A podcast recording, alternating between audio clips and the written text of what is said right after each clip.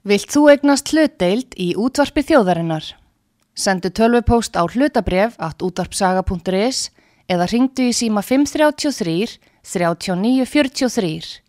Útvarpsaga stendur vörð um tjáningafrelsið. Sýteðis útvarpið á útvarpisögu í umsjón Artrúðar Kallstóttur.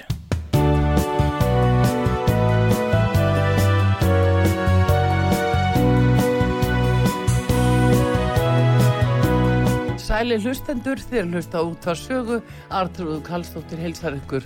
Það er komið til mig Kristrún Frostadóttir, alþingismadur samfélkingarinnar og þingfrásformaður og við ætlum að ræðum það tilögu samfélkingarinnar sem hafa verið laða fram á alþingi og eru eins konar björgunu aðgerðir vegna þeirra stöður sem að upp er komin. Það er bæði stríðið og það er síðan líka bara það sem að, lítur að stöðu heimila og fyrirtækja. Og efnaðashorfur hafa vestnað vegna stríðsins segist sælabankastjóri í dag. Raunvexti neikvæður og það með reikna með hækkun verðbólgu. Og það var einmitt yfirlýsing frá fjármálastöðuleika nefndar í morgun að berast það sem að þeir reynda að segja að staða heimilina sé almennt góð og uh, þetta líti geins ítla út og uh, ætla mætti.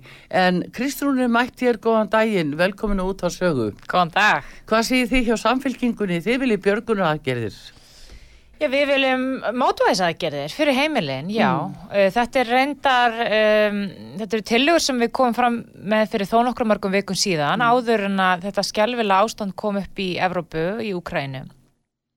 Og var eiginlega viðbröð við þessari hröðu breytingu í vakstastíginu og verðbólgu. Um, við erum ekki að taka afstuðu gegn sko Sælabankan, ég menna Sælabankan og ég sem hagfræðingur get alveg hérna, skilið afstuðu Sælabankans að það er mikil verðbólka í landinu og vakstatæki er eitt tól til þess að breðast við því. Vandin er hins vegar sá að undanferðin tvö ár um, það hafa verið sendt út mjög öflug skilabóð til fólks til að mynda ungs fólks og fólk sem er að kaupa sína fyrstu eign um að þetta sé rétti tíminn til að skuldsetja sér mikið. Um, við sáum mikla hækkun húsnæðisvers á skömmum tíma. Um, árstakturinn í dag er komin í 23% að verða mm. sem þýðir að við förum inn í þetta vakstahækkunar ástand, þetta verðbólku ástand, hráveruverðs hækkan ástand með hópa fólki sem er tiltölulega skuldsettur, ungt fólk, fólki viðkomni stöðu um, og er að sjá mjög hraða breytingu í vakstaberi. Og þrátt fyrir að vextir séu sögulega lágir, þá er það breytingin sem getur haft rosalega áhrif. Og þetta tól er sko ekki gert fyrir svona hraðar breytingar. Við eigum að sjá hægar vakstabreitingar, bæði Já. niður og upp. Vegna þess að fólk ræður bara hreinverulega ekki sérstaklega vel við svona miklar greiðslubyrgsbreytingar, sérstaklega fólk sem er e, að viðkonni stakkaðara tekjur. Þannig að við vorum byrjuð að velta þessu fyrir okkur fyrir þó nokkuð mörgum viku síðan, hvort að það ætti að stíga inn í og til þess ymmit að koma í vekk fyrir að við myndum sjá meiri verðbólgu verna þess að ef að verðbólgan myndir lega út í allt og húsnæðsverðshækkanir þá förum við í haustin í kjærasamninga og þá Já. koma almenna launakröfur og þá fyrir allt góðsið að stað. Já, að ríki myndir stíga inn sem ábyrgur aðili í hagstjórn og segja, herðu, það er hér ákveðin hópar sem er á mörkunum og gætur lengt í vandræðum. Við setjum markvæsar fjáraðir þar inn gegnum sérstakar vakstabætur gerir mögulega fólki kleifta að dreifa þess húsnæðiskostnaðinu sínum þannig að við mildum aðeins höggið mm. og þá er minni líkur að við sjáum þess að þennslu óanægu brjótast út Já.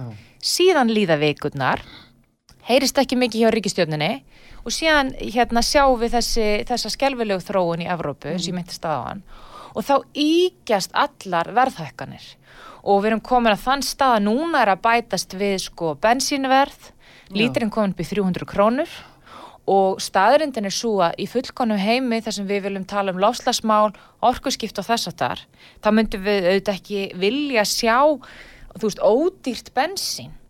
En staðurindin er samt svo að innviða uppbygging til að mynda varðandi rafbíla fyrir fólk sem býr í dreifbíli um markaður fyrir notaði bíla sem er það sem að tekjulegri mm. einstaklinga að kaupa sína marka, eh, bíla á það er ekki mikið af rámasbílum sem fara þar enná og það er bara fólk sem einfallega þarf að taka bensin og það er ekki eðlilegt að svona hraðarbreytingar bitni strax á þessum Já, líka einstaklingum. spurningu um sko kaupmáttin Já. og um hvað var samið og hver voru forsendurnar Já. fyrir samningunum og það var þá ekki gert ráð fyrir einhver uh, svona lögðu, alveg sama hvað. Nei og það er bara þannig með alla breytingar, það eiginlega, þú veist, afsakaði að ég fa- ve- vaði svona í annað en sko eins og til dæmis með loslasmálin, það mun aldrei nást sátt um ákveði breytt neysluminstur eða hegðun eða hvað fólk gerir. Ef að breytingarnar er þess eðlis að það hlýfa ekki fólki í viðkomur stöðu. Já. Það er bara þannig. Vegna þess að fólk sem að hefur ekki mikið á milli handana, hvort sem að sé ungt fólk sem er að fara að stað í lífinu, fólk sem er löndi áfalli eða öryrkjar, fólk sem er einfallega tekjulátt. Það er bara fyrst og fremst að hugsa um að komast af, skiljið. Og það er þeirra fyrsta grunn þörf að hafa í sig og á. Og það, það við munum aldrei komast áfram með lofslagsmarkmið og breytingar á neysluvenjum ef við ætlum að beita viðkom hópum fyrir okkur. Þannig að við þurfum að hugsa fyrst hverjir eru að fá þessar hækkanir á sig, húsnæðisverð, vaksta, vakstahækkanir, bensínverð, getum við gripið þessa hópa sérstaklega og komið þá í vekk fyrir að þetta leki út um allt og það er öllum til góðs, Já, líka já. fólk á millitekjum og hámillitekjum Já, sko. akkurat, þetta er svolítið líka spurningin um það að allir njóti gósa í raun og veru vegna þess að þarna er það sem erum að banka upp á kannski fyrst og síðast, það er hækkun á matfælum Já, og, og það kemur öll heimili. Og, og, og, það er spurningin hvernig getur ríkistjórnin hugsalega greipið þar inn í?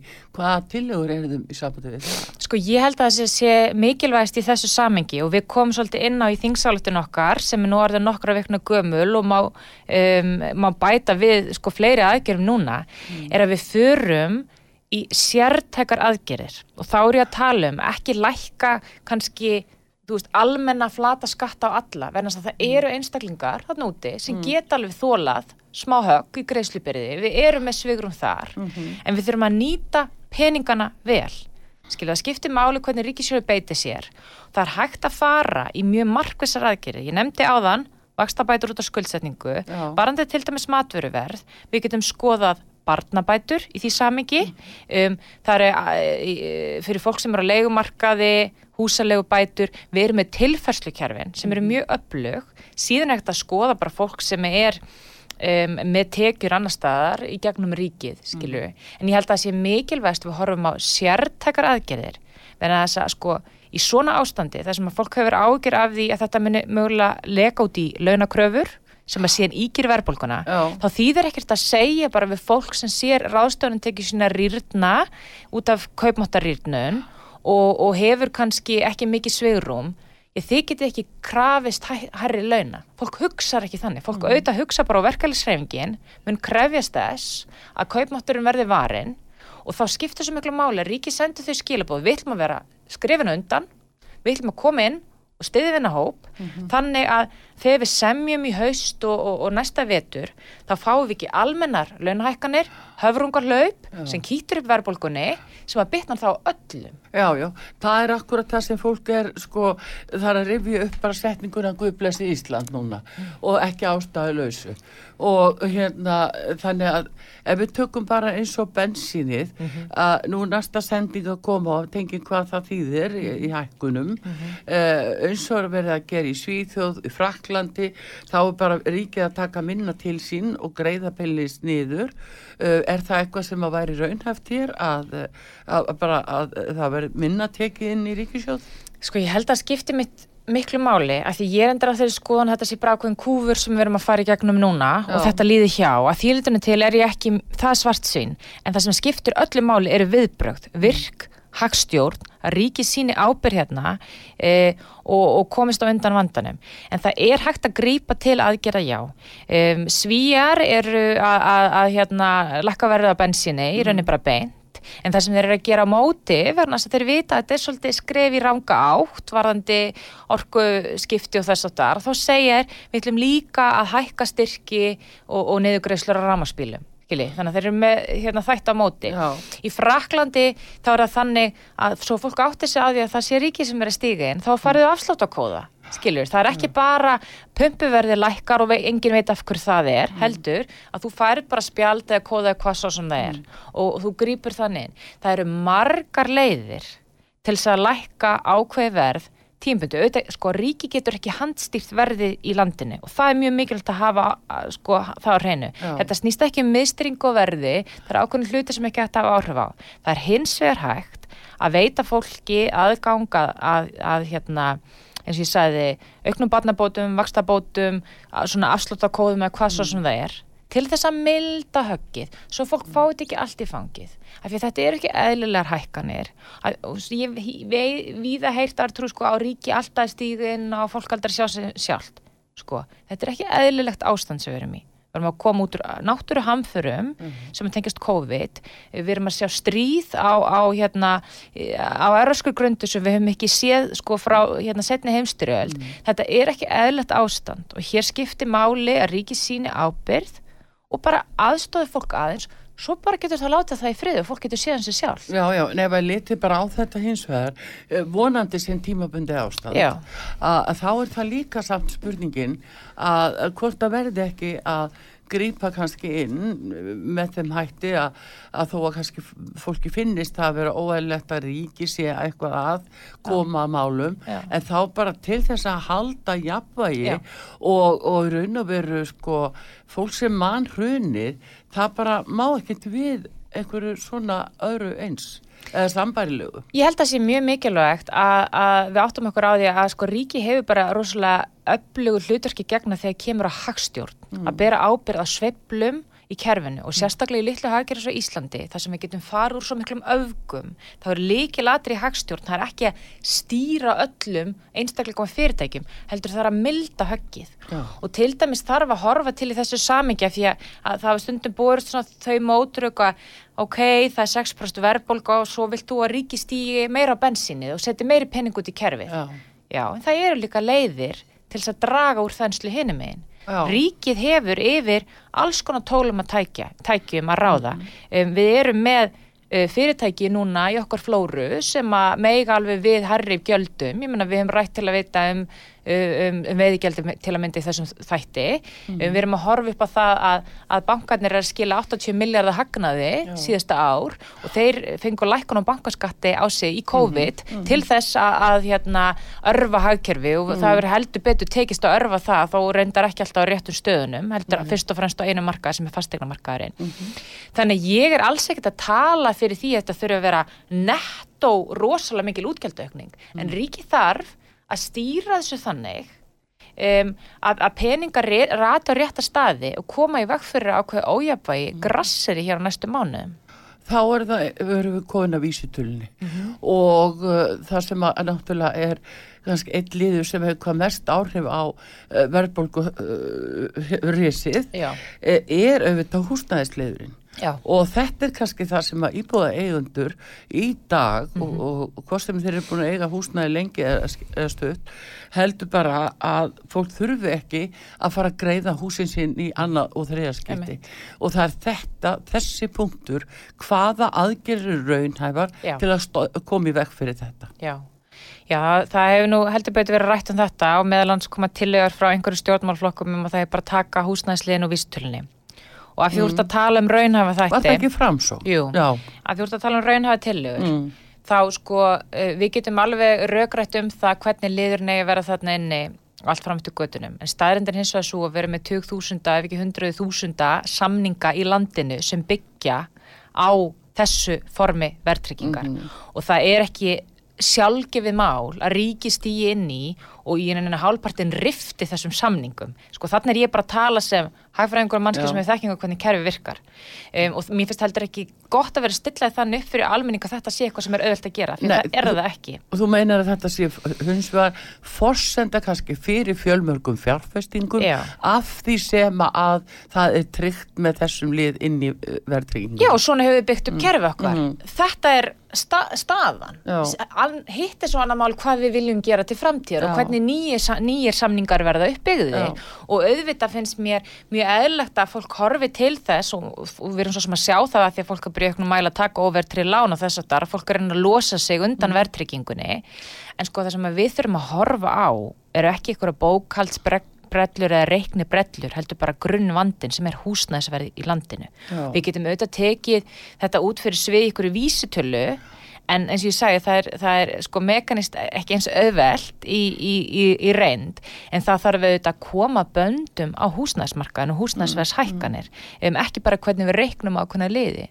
En ég geti þetta syngt í gífilegan skilning eh, að, að hérna fólki finnst erfitt að horfa upp á kostnaðan á húsnæðinu sínu hækka svona mikið e, á verðtriðan lánum út af þessum húsnæðisverðshækkanum og ég get til dæmis sagt þér Artúra því ég er búin að vera að ferðalagi um landið núna mm. undanfatna vikur að sko fólk sem að býra svæðum þar sem er sko fasteignaverð hefur ekkert hækkað það er að borga af sínu verðtriðan lánum verðbolgu af húsnæði á höfuborgarsvæðinu þetta er auðvitað mjög sérstakt kerfi. 22,5% eh, er hækkun húsnæðisverðs núna undanfarnar 12 mánuði Já. og 12 mánuð þar á undan var hún verulega mikið. Þannig að grunnvandin er húsnæðismarkaðurinn, ekki útreikringurinn á vísutölunni og, og líka kannski svo staðurreind að fólk er hálfpartið þrýst út í verðtrilán vegna þess að það er eina leiðin til að ráða við greiðslipirðin af svona dýru húsnæði Já. og þá lendur við svona vítaring þar sem mm. fólk verður að taka verðtriðlan menn að það ræður ekki óvertreykt og svo færið alltaf þetta högg á sig. Og hefur ekki nógu hátt greiðslumat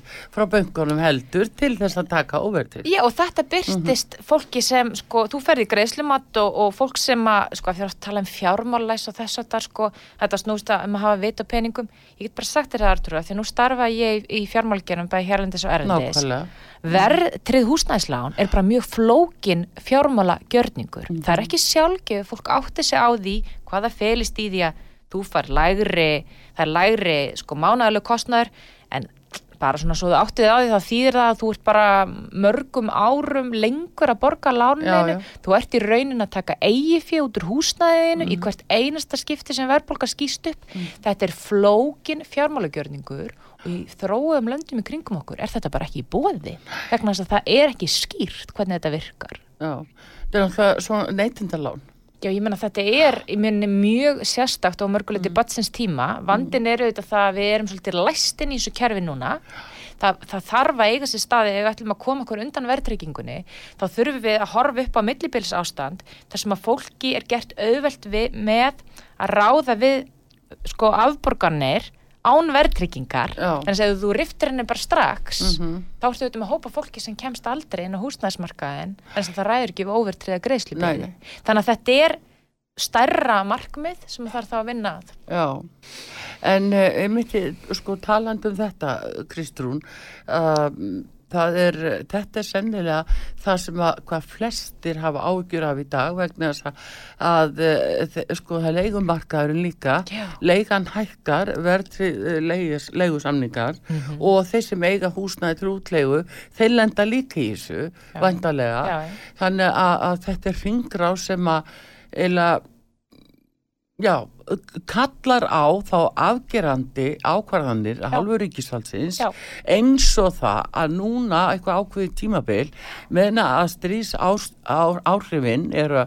í gild á Íslandi mm -hmm. þá verða enga nöðungasölur af þessum sökum. Það er eitthvað álíka sem að mm. til þarf. Hefur þetta verið rætt í þinginu eða í þínu flokki? Þetta, þetta verið ekki verið rætt í þinginu, nei, en ég held að þessi margir sem átti sig á því að það þarf við að taka bara mið af aðstæðan sem uppkoma núna. Já. Þetta er skamtíma ástand mm sem er, það eru ytri aðstar að skapa þetta ástand. Mm. Fólk er að lenda fjárhastlegi erfileikum og fyrirtæki út af ytri áhrifum sem eru algjörlega fyrir utan þeirra kontról.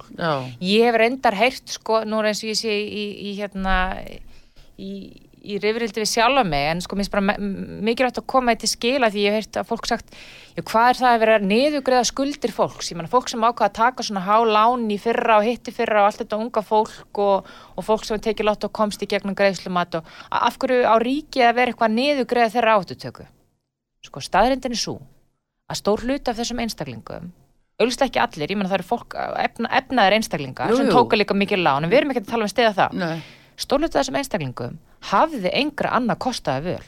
En þess að leikumarkaðarinn er óvirraðanlegur fólk er í fyrsta skipti kannski þarna að hafa möguleika að komast inn með það litla eigi fyrir sem að hafi þið. Ríkið, stjórnveld bera líka ábyrð á því að eina leiðin til þess að komast í almennilega örugt húsnaði á Íslandi og stöðugar greiðslur er að skuldsetta sig um 20 miljónar krónur svona snemma á lífsleginni þannig að þarna liggur líka ábyrðin eh, á hvernig marka við höfum búið til Já. og öll svona umræðum inngrip á hverja í stíinni sko, það sem ég um þetta segir að sko, allt, þetta er, það er ekkert fengi hérna á himnum og annar trúr Mm. það eru við sem rekum þetta samfélag það eru við sem ákvörðum ramman gjöldin, hver fær hvað það er ekkert náttúrulegt Nei. í ríkisrammanum heldur ekki á engamörkum, engamarkar eru rammar Jú, lög og reglur Þetta eru mannana verk. Þetta Það- er allt mannanna verk. Það er alveg á hreinu. En ymmið talandi um húsnaði, þá saði innvegar á þeirra núna fyrir fáinu dögum hann, að þá saði að það vantar fjögur þúsund íbúðir. Mhm.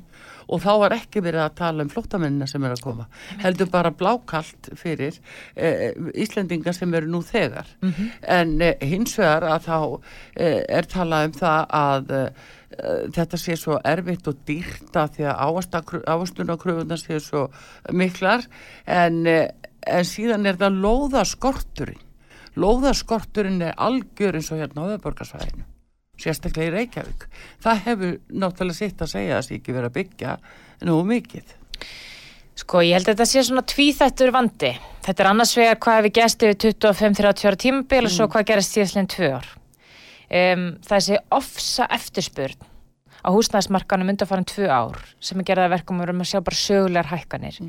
Hún hafði ekki að gera með langtíma stefnu þar að segja það var ekki þannig að okkur allt í hennu fjölgaði svona mikið. Það sem að gerðist var að það var mikill aðgangur að ljánsfjö á, á hérna mörkuðum verðan að það var farið í mjög almennar örfunar aðgerðir, vextir voru lækkaðir, álögur á bankana voru lækkaðir til þess að íta pening út í kerfið, sá peningur átt að fara uppistöðu til fyrirtækja svo þau myndi halda fólk í vinnu en það gerðist ekki. En þess að bankarnir ákveðu hagstæðstur lánum fyrir okkar áttu minnstur húsnæðslán. Já, Þannig að allir hlupuð út um sömu hurðun á sama tíma og það skapaði hana mikla þrýstingsíslinn tvö ár. Já, en það er einmitt gott að segja þetta Mhm. vegna þess að Sælabankin greipi inn í til þess að styðja fyrirtæki eins og það hér Mhm. og með uh, verulega stórum fjárupphæðum Mhm. skilirtum til bankana og þau varu skilirt upp á það að það er þetta að hjálpa fyrirtækjanum þá breyttuður um stefnu og fórum með þetta beint til einstaklinga til að fjárfæst í íbúðum. Og það er jafnvel þeir sem er fralendi í núna.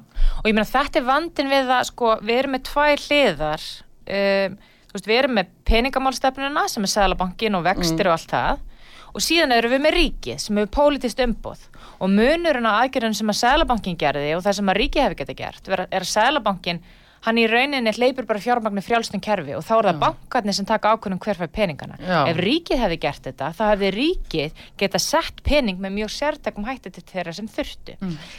Hitti síðan annar mál, langtíma sín í húsnæðismálum, skipulagsmál og lóðir og þess að þar. Sko, það má vel vera að það megi stilla upp hérna skipulagi, um, byggingakostnaður, lögum og reglum varandi hvernig þú kemst að stað í húsbyggingu mm. Uh, á þann hátt að það sé pottu brotin. Ég held að flestar átti sig á því að margt er, er flókið í þessu verki sko. En vandin hefur líka bara verið skortur á framtíðar sín hjá ríkinu varðandi hvernig húsnæðismarkaðan að fungera. Og það er mín skoðun og verið okkar skoðun í samfélkingunni að einn stærstu mistökun sem voru gerða sínum tíma í húsnæðismálum var að leggja niður verkamannabústaði kerfið. Þannig algjörlega grófstu undan einhverjum stöðuleika á markanum að þá varstu með óhagnaðadrifi húsnæði á markanum Já, sem var ákveðin festa. Já, en er það ekki mynd út að aðald okkar í, hjá EES að við megum ekki reyka verka mannabústaða kerfið í því formi sem við gerðum af því að það má ekki gera það út af EES-reglunum. Uh, ég hef nú reyndar ekki heyrt þessi rauk áður en ég get allan Mm. sagt þér artrúður að nágrannalöndin okkar þau setja þetta ekki fyrir sig. Það er til dæmis mikið, miklu meira félagslega húsnæði í Danmörku og það er fjölbreytt húsnæði. Að því að fólk hugsa oft félagslegt húsnæði þannig okkur fyrir mig. Það eru margar leiðir til þess að vera með óhagnadrifi húsnæði. Og af því að sko ef við tölum um lóðar þessatar gott og vel hvað vill fólk gera? Vill fólk fara þá leið til að mynda ef að lóðir eru orðin rosa dýrar segjum sem svo að, að hérna, ég sé sveitafélag og Artrúð, þú ert að byggja og þú vilt fá ódýra lóð af því þú er bara hvart yfir að geta ekki fengið ódýra lóð. Já, ef ég myndi láta þið fá lóð undir markasverði Mm. myndir þú síðan taka þá lóð byggja á henni og selja húsnæði undir markasverði þú myndir aldrei gera. Þú tekur alltaf mismunin og setur það í vasanaður og úr taknaðadrifin aðali já, ég held að það sé bara alveg, alveg regla. það er bara það sem Já, myndi gerast. þannig að forsenda fyrir því að ef að það var að fara í uppbyggingu á, á ódýru húsnæði, hagkvæmi húsnæði og ef að sveitafjölug, Reykjavík og Borg þar meðal, eiga að fara að veita lóður undir markasverði, þá þarf það að vera til óhagnadrifin aðila eins og ymmit Reykjavíkuborg hefur verið að gera. Mm. 2000 íbúði, meiri hlutan af íbúðum í þessu nýja félagslega kerfi sem var sett á lakirna 2016 hefur komið í gegnum lóðir sem hefur verið veittar hjá Reykjavíkuborg þar tryggjuru að lækandi lóðaverð það skila sér í lærilegu og það fer til fólksins. En þetta skipulag þarf að vera á. Ef við færum bara að veita lóðir til einhverja aðila mm á þessum forsöndum þá er bara mjög líklegt að mismunum verið stungi í vasan þannig að það þarf að vera heilstað sín líka í þessum máli Já, þetta, það er greinlega ekki. En góðu gestu hér og útvarpi sögu Kristrún Frostadóttir, alþengismadur samfélkingarinnar og þingflósformaður við ætlum að fá auðlýsingar hérna núna og komum svo aftur. Sýteðis útvarpið á útvarpi sögu í umsjón Artrúðar Kallstóttur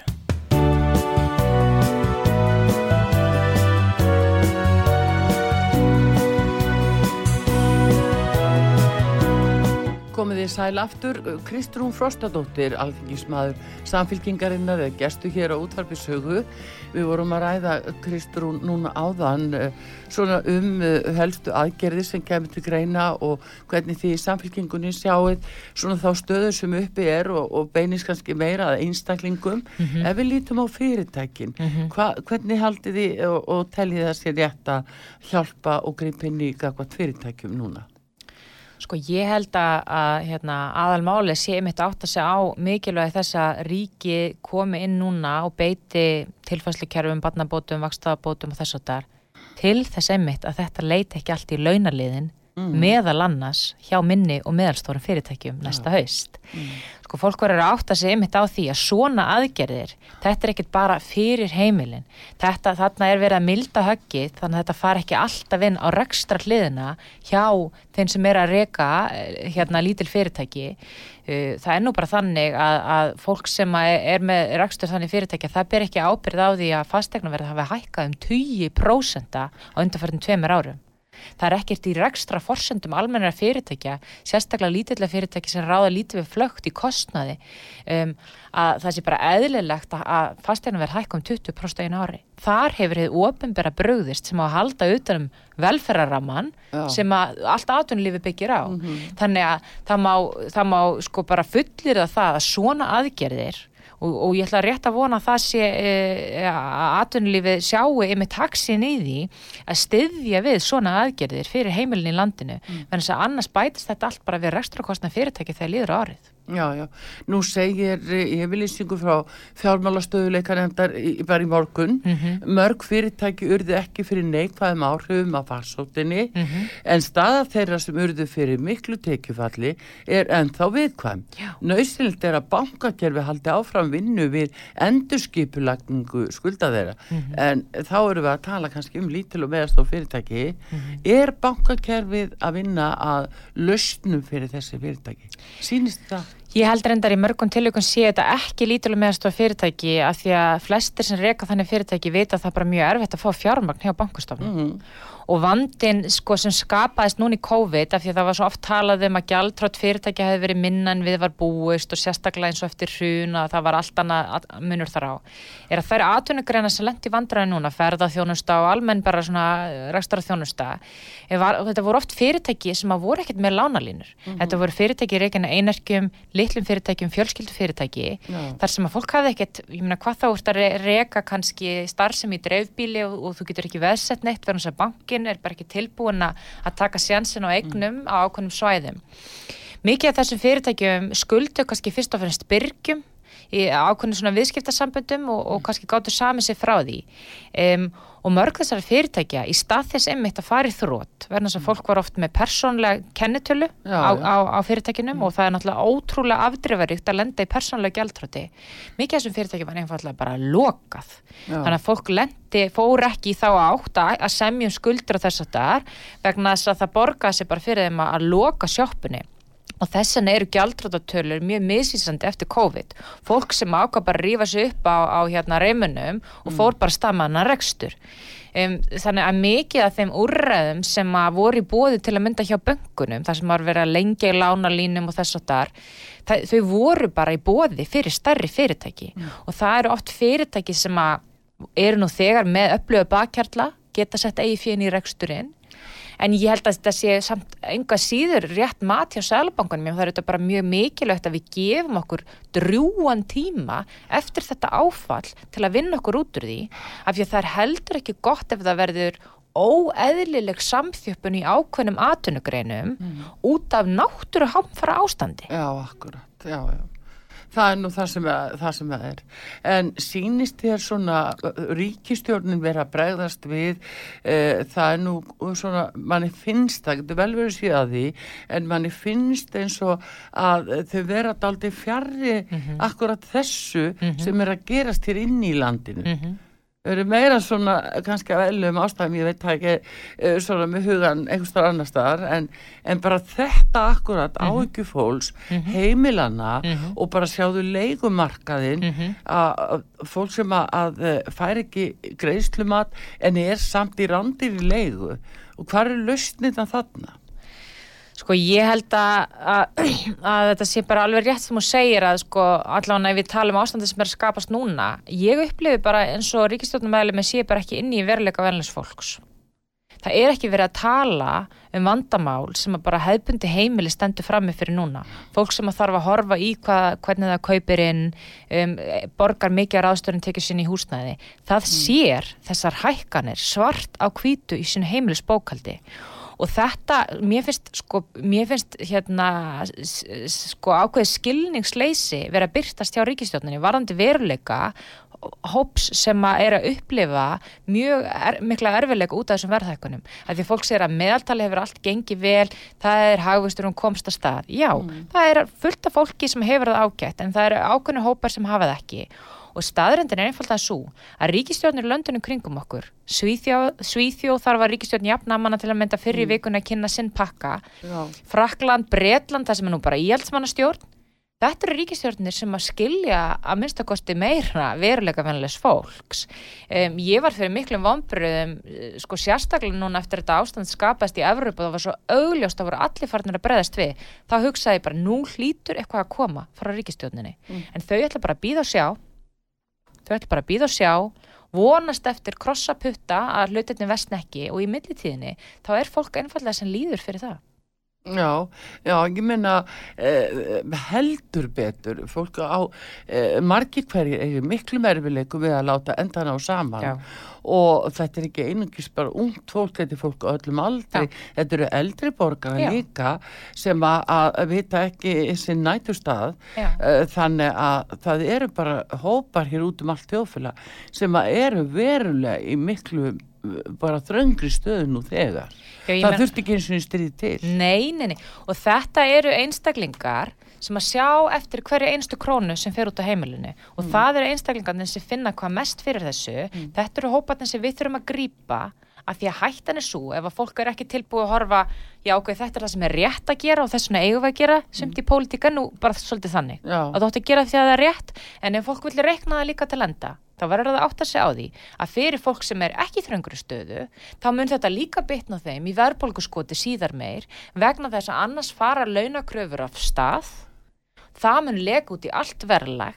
Þannig að þetta snýst ekki bara um góðvild fólks. Ákvæmlega hluti átt að gera því það er rétt og við eigum að styðja þessu hópa en það er líka fjárhagslega skinsamt fyrir okkur öll og fyrir ríkisjóð að, að komast á undan vandanum áður en hann verður mikill í haust. Já, þetta er líka spurningum skilabóti fólks. Mm -hmm. Hver er kvartningin á að vilja þá bjarga sér og vilja taka þátt í stað þess að hættan er svo að fólk sjá ekki tilgang og gefist upp. Algjörlega. Og, og hvað kostar það þjóðfélagi? Já, ég menn þetta er bara vannvirkni í samfélaginu. Já. Við erum að, það, þú veist, fólk er alltaf að tala um að skorti vinnandi hendur í samfélaginu. Hvernig verður það þá að gera fólki kleift að sækja fram? Já, það er nú máli.